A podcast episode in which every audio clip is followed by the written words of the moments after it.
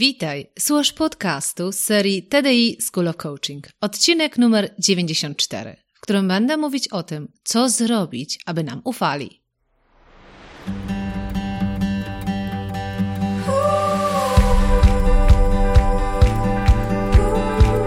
Witaj w serii podcastów TDI School of Coaching. Ja nazywam się Ela Krokosz i od ponad 20 lat zajmuję się tym, co jest moją pasją rozwojem potencjału ludzi. Dzięki pracy w wielu krajach wiem, że w nas jest dużo większy potencjał niż nam się wydaje. Moją rolą jest pomóc ludziom dostrzec swój potencjał, a potem zrobić wszystko, aby go wykorzystali. Uczę, jak rozpalać wewnętrzny ogień, pasję, poczucie sensu, spełnienie, a potem zarządzać samym sobą, swoim umysłem, aby budować siłę psychiczną do osiągania rzeczy, na których nam zależy najbardziej. Witam Cię bardzo serdecznie w kolejnym odcinku naszego podcastu. Podcastu, w którym będziemy mówić o zaufaniu. I uwaga, nie będę mówić o tym, co zrobić, żeby nas bardziej lubili, ale co zrobić, żeby nam bardziej ufali. I wiem, że dla wielu z nas może to być dosyć podobne, a co więcej, wielu z nas wolałoby, żeby nas lubili. Ufali też, ale przede wszystkim nas lubili.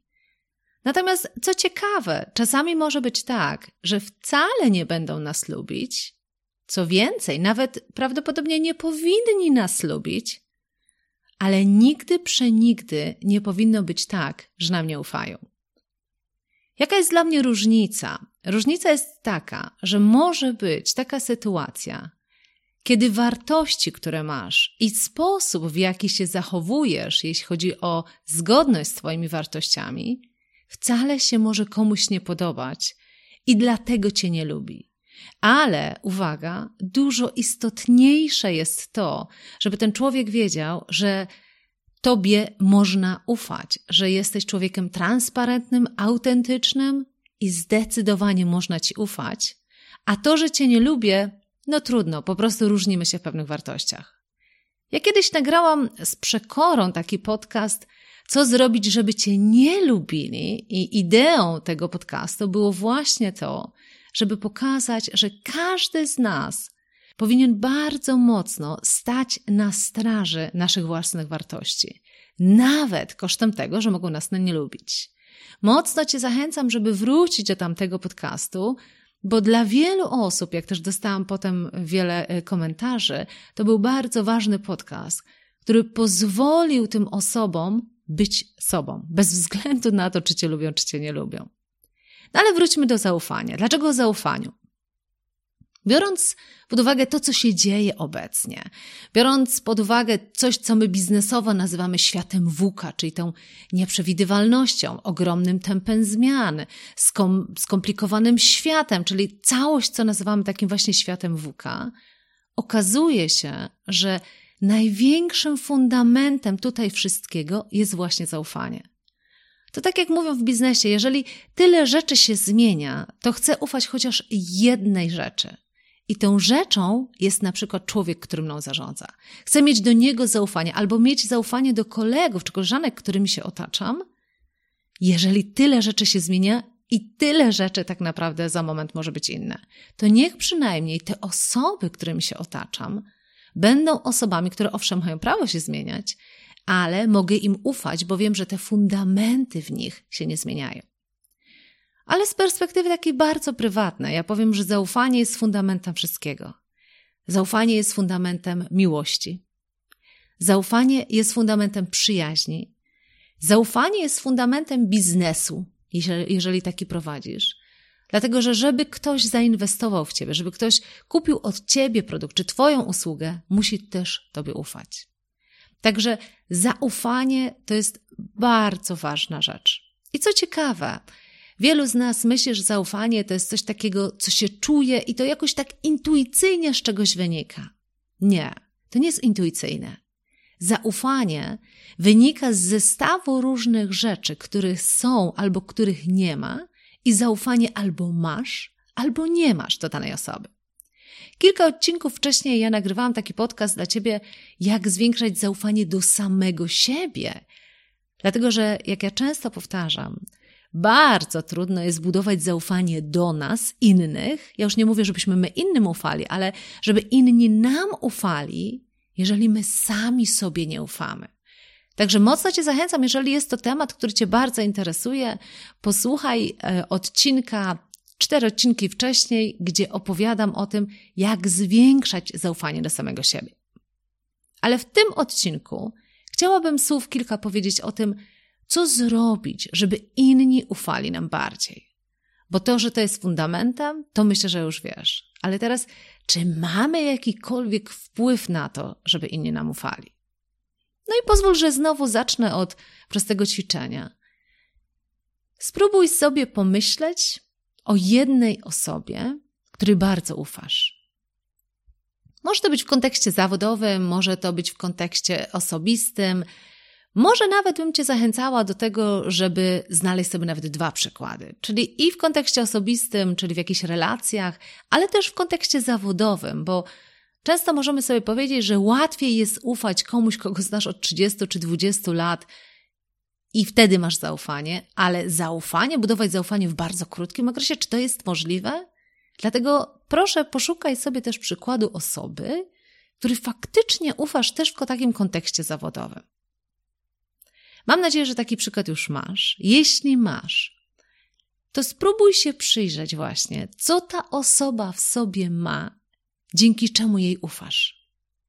Co ona w sobie takiego ma? I znowu w kontekście osobistym i zawodowym. Być może w kontekście osobistym wyjdzie to, że w niewielu sytuacjach cię tak naprawdę zawiodła. Tak? Być może właśnie wyjdzie to, że w wielu sytuacjach się sprawdziliście razem, przeszliście przez niejedną burzę i widzieliście, jak wspólnie jesteście w stanie z tego wyjść.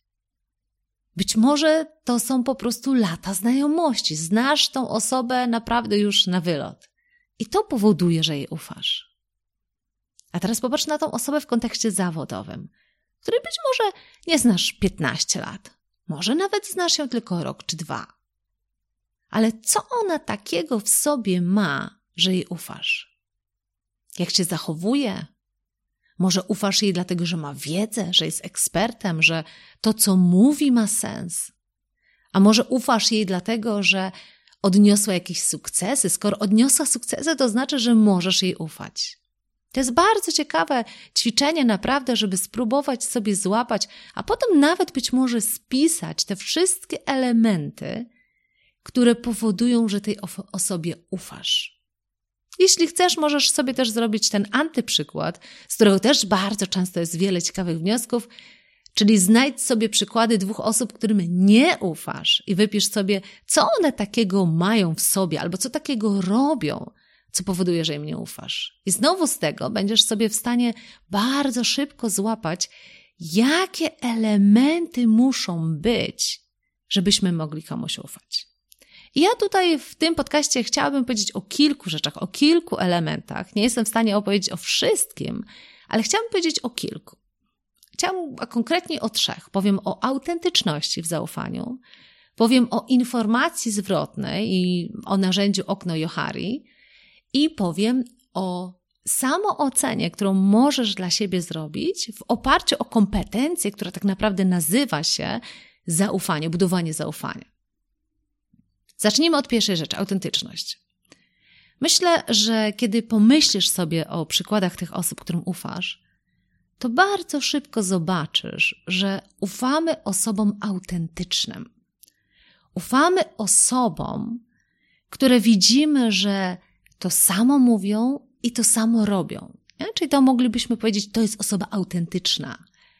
Ufamy osobie, w stosunku do której wiemy, za czym stoi, czyli że ma pewien kręgosłup moralny.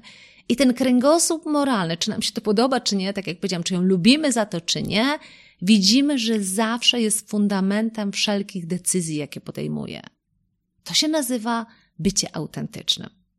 Ale co ciekawe, ostatnio podczas audycji, której miałam przyjemność występować w Chili Z, Wspólnie z dziennikarzem rozmawialiśmy właśnie o przywództwie, jakie jest potrzebne na dzisiejsze czasy, i rozmawialiśmy o tym, jak ważne jest to, żeby przywódca był autentyczny.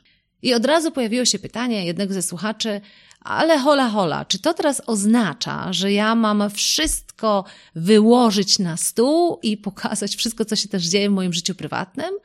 I pytanie było takie właśnie, czym się różni autentyczność od prywatności? I teraz, jeśli masz, jak ja to nazywam, mm, preferencje do introwersji, tutaj używamy akurat metodologii typów, typów MBTI, gdzie się mówi, że w jednym z wymiarów, tym czym się różnimy jako ludzie, to jest to, skąd czerpiemy energię. Jedni z nas to są osoby z preferencją na ekstrawersję, w związku z tym ten nasz świat preferowany to jest świat zewnętrzny. My dużo mówimy, dużo opowiadamy o sobie, dużo mamy interakcji z innymi, dość prosto wchodzimy w te interakcje. A drugi wymiar to jest osoby z preferencją na introwersję. I to są osoby, które dużo więcej przeżywają w środku. Są dużo bardziej zamknięte, dużo trudniej jest im nawiązywać relacje z innymi, dlatego że są ostrożniejsze, mniej mówią. I możesz właśnie, mając szczególnie tą preferencję na introwersję, trochę się tym przerazić, że skoro zmierzamy w kierunku bycia autentycznym, że to powoduje budowanie zaufania, to to tak naprawdę oznacza, że będziesz za moment musiał czy musiała działać nie w zgodzie ze sobą. Czyli będziesz musieć dużo więcej swojej prywatności pokazywać, opowiadać, co tam się prawdopodobnie nawet w Twojej rodzinie dzieje, żeby budować autentyczne relacje. I teraz od razu chciałabym obalić ten mit. I też podobnie jak e, odpowiadałam na pytanie, które tam się pojawiło, czym się różni autentyczność od prywatności? Prywatność to jest to, co chcesz zachować dla siebie. Prywatność to są rzeczy, które się dzieją u ciebie prywatnie, tak? To może być coś, co dotyczy twojej rodziny, twojego związku, być może pewnych twoich hobby, o których nie masz ochoty opowiadać. Masz swój świat prywatny. Co prawda, ja za moment, jak będę mówić o oknie Johari, opowiem, jakie są konsekwencje, kiedy masz bardzo szeroki ten obszar prywatny, ale to może o tym za moment. Ale wracając do autentyczności, to bycie autentycznym wcale nie oznacza, że ty musisz pokazać, co się w twoim życiu prywatnym dzieje. Nie. Bycie autentycznym w środowisku, w którym funkcjonujesz, oznacza, że wartości, którymi tam się kierujesz, powinny być widziane przez innych. Ja bardzo często zachęcam do takiego ćwiczenia, gdzie mówię: spisz sobie pięć Twoich najważniejszych wartości, którymi kierujesz się w środowisku, w którym funkcjonujesz, na przykład w pracy. A potem daj listę, nie wiem, 30 określeń, w których pięć jest powiązanych z Twoimi wartościami i poproś o zaznaczenie pięciu określeń, które się najbardziej z Tobą kojarzą.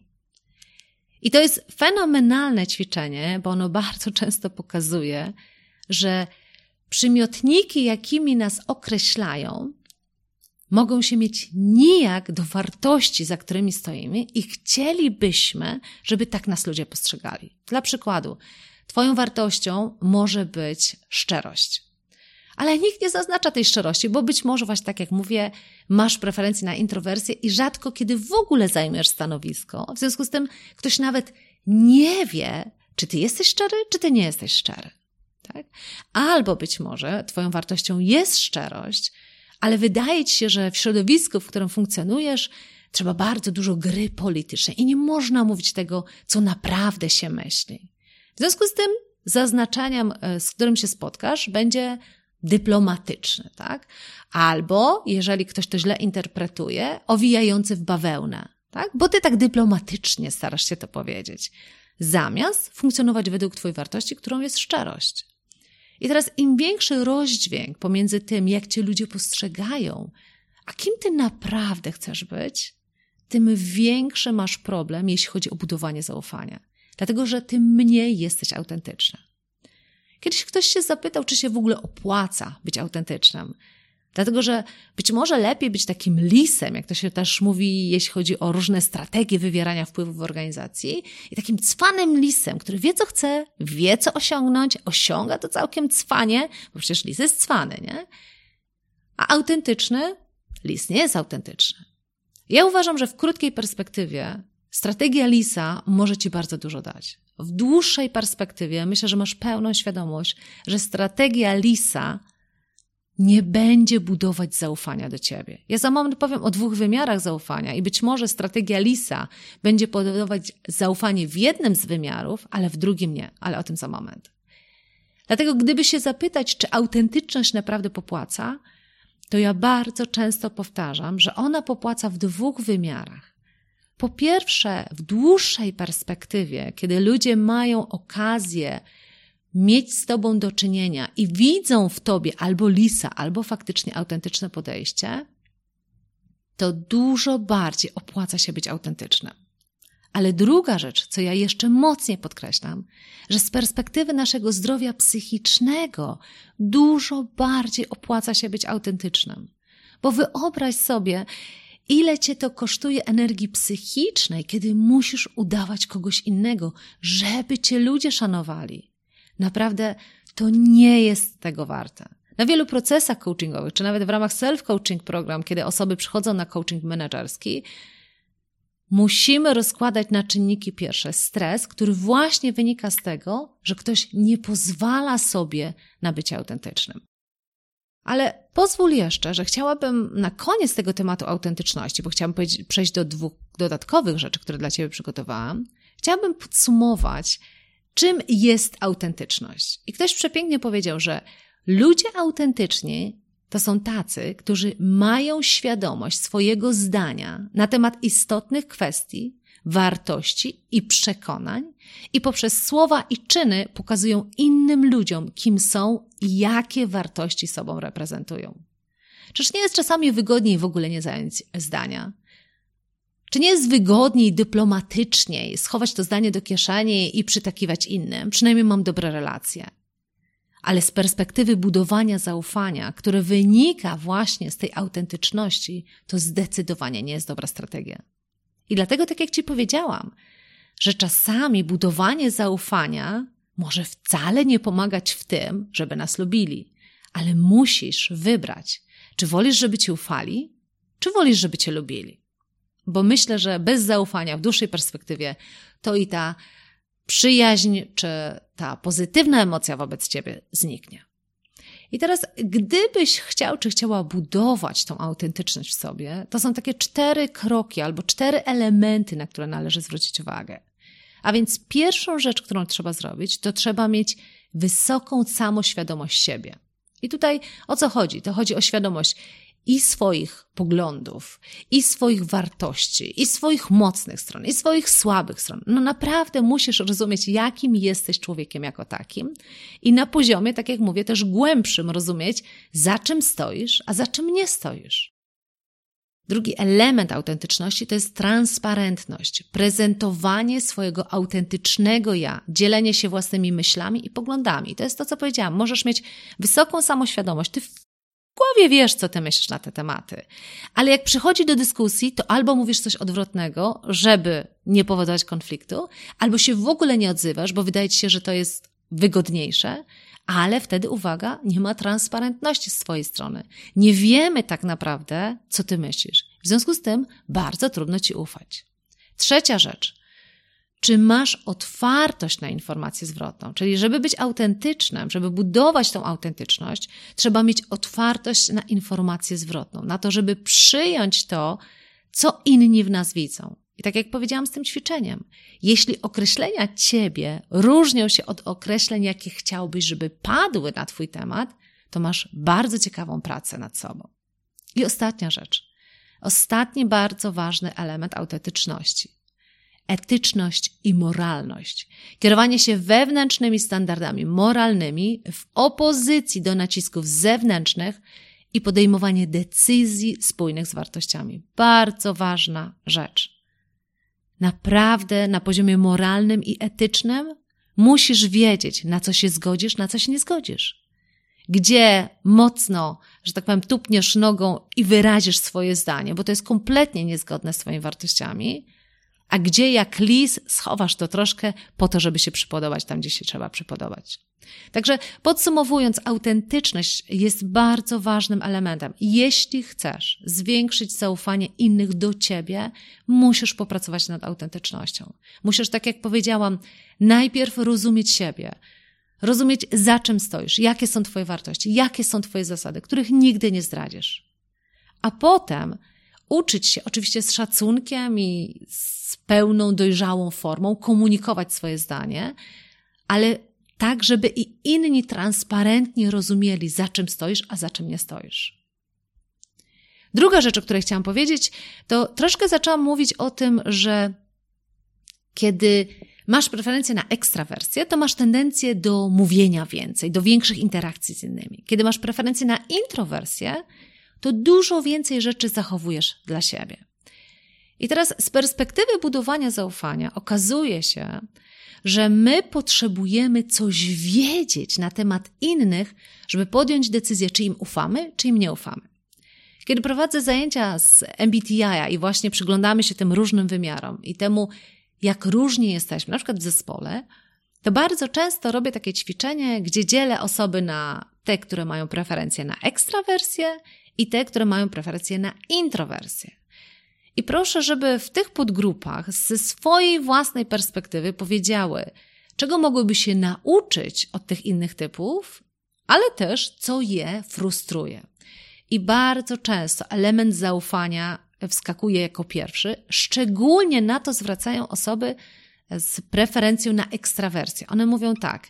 Kiedy ja nie wiem, co ten człowiek myśli, ponieważ on tak mało mówi podczas spotkań czy podczas jakiejkolwiek interakcji, to ja naprawdę nie wiem, czy ja mogę mu ufać, czy nie mogę mu ufać. Oczywiście osoba z preferencją na introwersję bardzo często zarzuca, że tamci to tyle gadają, że mam obawę, czy za moment nie wygadają moich tajemnic. Dlatego wolę im nic nie mówić, bo oni tylko peplają językiem. Nie? Czy jakby oba typy mają coś e, do nadrobienia. Natomiast ja chciałabym zwrócić właśnie uwagę na ten aspekt e, dzielenia się tym, co w Twojej głowie.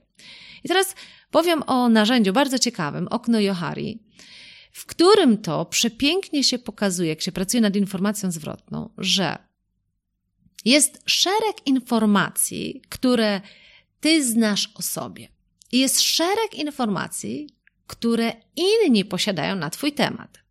I jeśli wyobrazisz to sobie jak takie dwa wymiary, czyli mamy jedną oś e, poziomą, która mówi informację, którą mają inni na mój temat i ośpionowa informację, którą ja posiadam na swój temat, teraz patrząc na to, moglibyśmy podzielić to na cztery pola. A mianowicie, pierwsze pole to jest obszar tak zwany otwarty, czyli to jest informacja, którą ja wiem na swój temat i inni dokładnie to wiedzą na mój temat. I to może dotyczyć czy spraw związanych, nie wiem, ze stanowiskiem. Wszyscy wiedzą, że ja jestem na przykład menedżerem w tym dziale, ja też to wiem. To mogą być tak oczywiste rzeczy.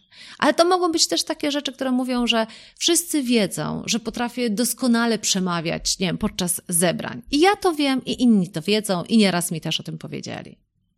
Może być też tak, że w tym obszarze otwartym są Twoje słabe strony. Wszyscy wiedzą, że jak się zdenerwuję, to potrafię tak mocno podnosić głos, że lepiej do mnie nie podchodzić. I ja mam tego świadomość i trochę nad tym pracuję i inni o tym wiedzą. Czyli to jest taki obszar otwarty.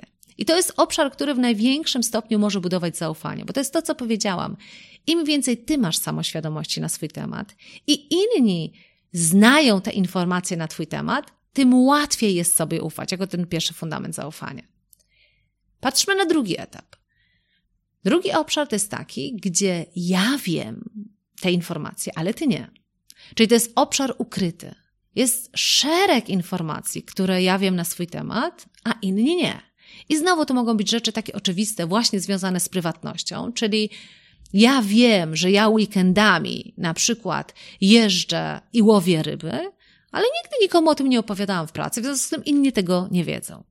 Albo ja wiem z perspektywy na przykład czegoś, co się dzieje w środku we mnie, że kiedy staję przed grupą na przykład 100 osób, to ja odczuwam ogromny stres i bardzo mocno nad tym pracuję, zanim wystąpię przed tą grupą 100 osób.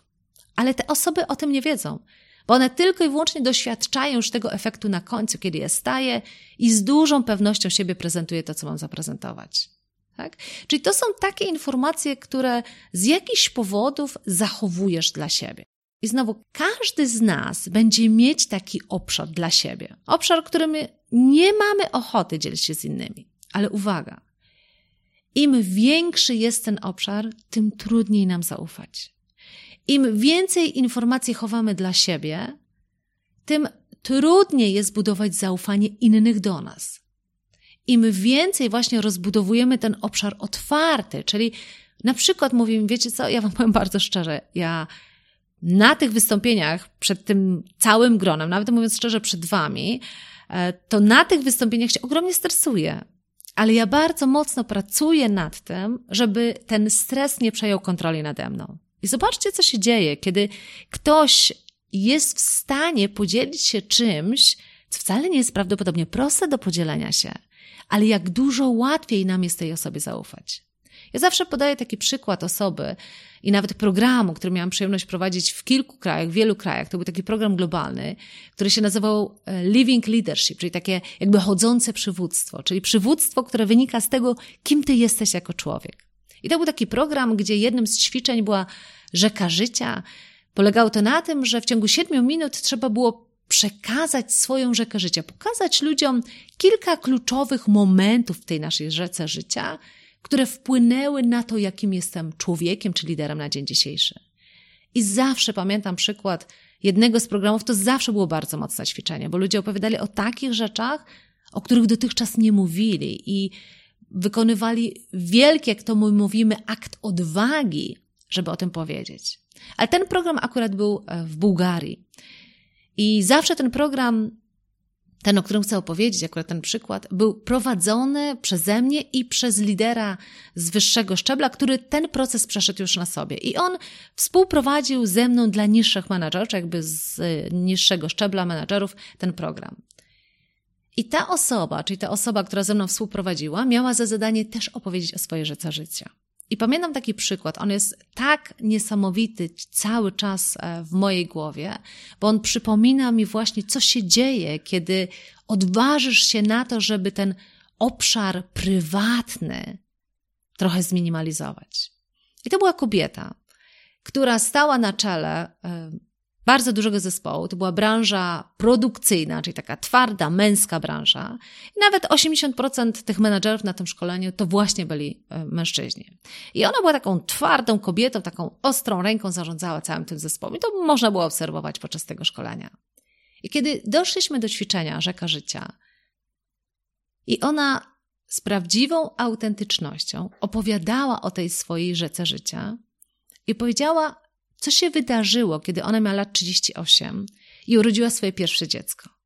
Kiedy to wywaliło wszystko do góry nogami, okazało się, że teraz dziecko rządzi w domu, a nie ona.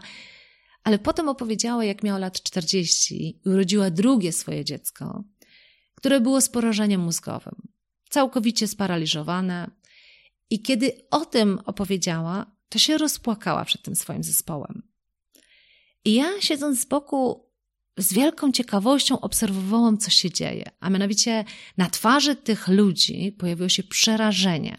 Nawet jeszcze nie współczucie, na razie przerażenie, bo oni pierwszy raz, po pierwsze, poznali tę historię swojej przełożonej, ale po drugie, pierwszy raz zobaczyli tą swoją przełożoną z łzami, pierwszy raz widzieli swoją przełożoną płaczącą. Nigdy tego nie widzieli. I mówiąc szczerze, oni nie do końca wiedzieli, jak oni mają się zachować. Ale ona oczywiście po tym, jak pozwoliła sobie na tą emocję, ale potem się z tego podniosła i pokazała im, dlaczego w pracy czasami jest taka, jak jest, dlaczego czasami w pracy trudniej sobie z tym wszystkim radzi, to nagle się okazało, że ci wszyscy ludzie, którzy w pierwszej kolejności czuli przerażenie tą emocją, bo nie wiedzieli, co z tym zrobić, to zbudowali do niej tak ogromne zaufanie i podziw za to, że miała odwagę podzielić się z nimi taką rzeczą. To oczywiście wpłynęło na to, jak wyglądały inne rzeki życia, jak inni otwarcie opowiadali o swoich różnych trudnościach, ale z perspektywy zaufania to było coś magicznego, co się wydarzyło w tym zespole. Ja bardzo często podkreślam, że autentyczność i właśnie podzielenie się tym obszarem ukrytym, tym prywatnym, wymaga odwagi. Ale kiedy już odważysz się to okazuje się, że wpływa to w ogromnej mierze na zaufanie. Ale idźmy dalej. Mamy jeszcze obszar, który się nazywa obszarem potencjału, bo ani ty nie wiesz, ani nikt inny nie wie, czy ty na przykład sobie w czymś dasz radę. Załóżmy, że nigdy nie przemawiałeś przed stoma osobami. W związku z tym nie wiesz, czy jesteś dobrym mówcą przed takim gronem. I inni też tego nie wiedzą, bo nigdy cię tam nie testowali. I ostatni obszar to jest ten obszar ślepy, w którym to ty tego nie widzisz, ale wszyscy inni to widzą. I wrócę do tego podniesionego tonu głosu. Być może właśnie jak się zdenerwujesz, to podnosisz ton głosu, przez co budujesz atmosferę trochę lęku, ale nikt ci dotychczas o tym nie powiedział, bo być może nawet się bał ci to powiedzieć. I w związku z tym trudno jest budować zaufanie, kiedy ty robisz coś, co niszczy trochę naszą relację, ale nikt ci o tym nie powie. Nie? I ten obszar ślepy to jest bardzo ciekawy obszar, który trzeba zgłębiać i budować taką atmosferę, która pozwoli innym na powiedzenie tobie czegoś, co wszyscy inni wiedzą, ale ty nie wiesz. Bardzo ciekawe narzędzie do informacji zwrotnej, ale z perspektywy budowania zaufania lekcja jest taka. Pamiętaj, że im szerszy twój obszar otwarty, tym więcej zaufania innych do ciebie. A ten obszar otwarty budujesz poprzez to, że odważasz się mówić o rzeczach, które dotychczas skrywałeś czy skrywałaś, i drugie, odważasz się szukać informacji zwrotnej na swój temat, żeby było jak najmniej tych rzeczy, o których wszyscy inni wiedzą, tylko ty jakoś nie wiesz. I ostatnia rzecz, którą chciałabym Ci zaproponować na koniec tego podcastu. Jeśli chcesz faktycznie zwiększyć zaufanie innych do Ciebie, to zapraszam Cię bardzo serdecznie, żeby zrobić sobie taką samoocenę, a potem może to być ocena, nie tylko samoocena, czyli możesz zaprosić kilka osób do tego, żeby wystawiły Ci pewną ocenę w tym, o czym powiem. Okazuje się, że kompetencja zaufanie to jest tak naprawdę coś, co się składa z pewnych zachowań, które można mierzyć, i jeśli te zachowania występują bądź ich przeciwieństwa nie występują, to jest zaufanie w zespole, jest zaufanie innych do ciebie. Ja bym Ci chciała pokazać pięć takich zachowań, w których to Ty możesz siebie ocenić w skali od 1 do 10, każde z tych zachowań, ale możesz też pójść dalej. I jeśli chcesz poznać, na ile inni Ci ufają, możesz dokładnie te same pytania im zadać. Pierwsze, bardzo ogólne. Cieszy się dużym zaufaniem. W skali od 1 do 10, na ile ci się wydaje, że w miejscu, w którym funkcjonujesz, w którym chcesz sprawdzić, na ile ludzie ci ufają, cieszysz się dużym zaufaniem. Jeden oznacza absolutnie nie, 10 oznacza zdecydowanie. I teraz wyobraź sobie, pytasz siebie, ale też zadajesz to pytanie innym. Powiedz mi w skali od 1 do 10, na ile Twoim zdaniem w tym środowisku cieszę się dużym zaufaniem? Drugie pytanie jest postrzegany jako osoba prawdomówna i bezpośrednia. Czyli zadaj sobie pytanie, na ile ci się wydaje, jesteś prawdomówna i bezpośrednia. I to samo, o to samo zapytaj innych. W skali od 1 do 10, na ile ci się wydaje, ja jestem osobą prawdomówną i bezpośrednią? Kolejne pytanie. Na ile potrafisz przedstawić trudną prawdę w sposób pomocny i odpowiedni? Bo tak jak mówię, nie popłaca w budowaniu zaufania mówienie czegoś wprost bez szacunku. Jeśli masz coś ważnego do powiedzenia, oczywiście musisz powiedzieć to wprost, a szczególnie o trudnych rzeczach musimy powiedzieć wprost, ale nie w sposób, który nie jest pomocny i nie jest odpowiedni.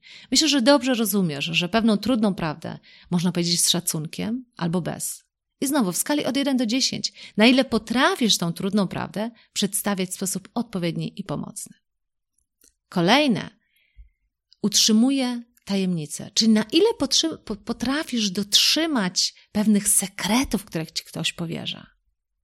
I tak samo spytaj innych. I ostatnie, bardzo ciekawe. Na ile przyznajesz się do błędu? Jeden, kompletnie nie potrafisz się przyznać do błędu? Dziesięć, zdecydowanie, jeżeli tylko czujesz, że faktycznie to jest twój błąd, przyznajesz się do błędów. Oczywiście jestem sobie w stanie wyobrazić sytuację, kiedy mówisz, ktoś mi mówi, że to jest mój błąd, a ja absolutnie tego nie przyjmuję jako mój błąd. No dlaczego mam się przyznać, że to jest mój błąd? Także to nie chodzi o to, że masz wszystko wziąć na swoje, na swoje barki i do wszystkiego się przyznawać, ale masz tą otwartość, żeby zamiast stawiać blok i kompletnie nie słyszeć tej informacji zwrotnej, gdzie ktoś pokazuje, że to był twój błąd, spróbować zrozumieć, z czego to może wynikać? Być może wejść w tą dyskusję, ale nie, że od razu mówisz, to nie moja wina, to nie moja odpowiedzialność, za to odpowiadają inni. Bardzo proste rzeczy. Pięć kompetencji, które możesz dla siebie osobiście zmierzyć z perspektywy Twojej samooceny i z perspektywy oceny innych. Mocno Cię zachęcam do tego, żeby budować zaufanie do siebie, bo w dzisiejszych czasach samemu zbyt dużo nie osiągniemy. Jeśli nie otaczamy się ludźmi, którzy nam ufają, jeśli nie potrafimy budować zaufania innych do nas, to będzie nam bardzo trudno w życiu. Dlatego zamiast nastawiać się na to, żeby nas lubili, najpierw nastaw się na to, żeby ci inni ufali.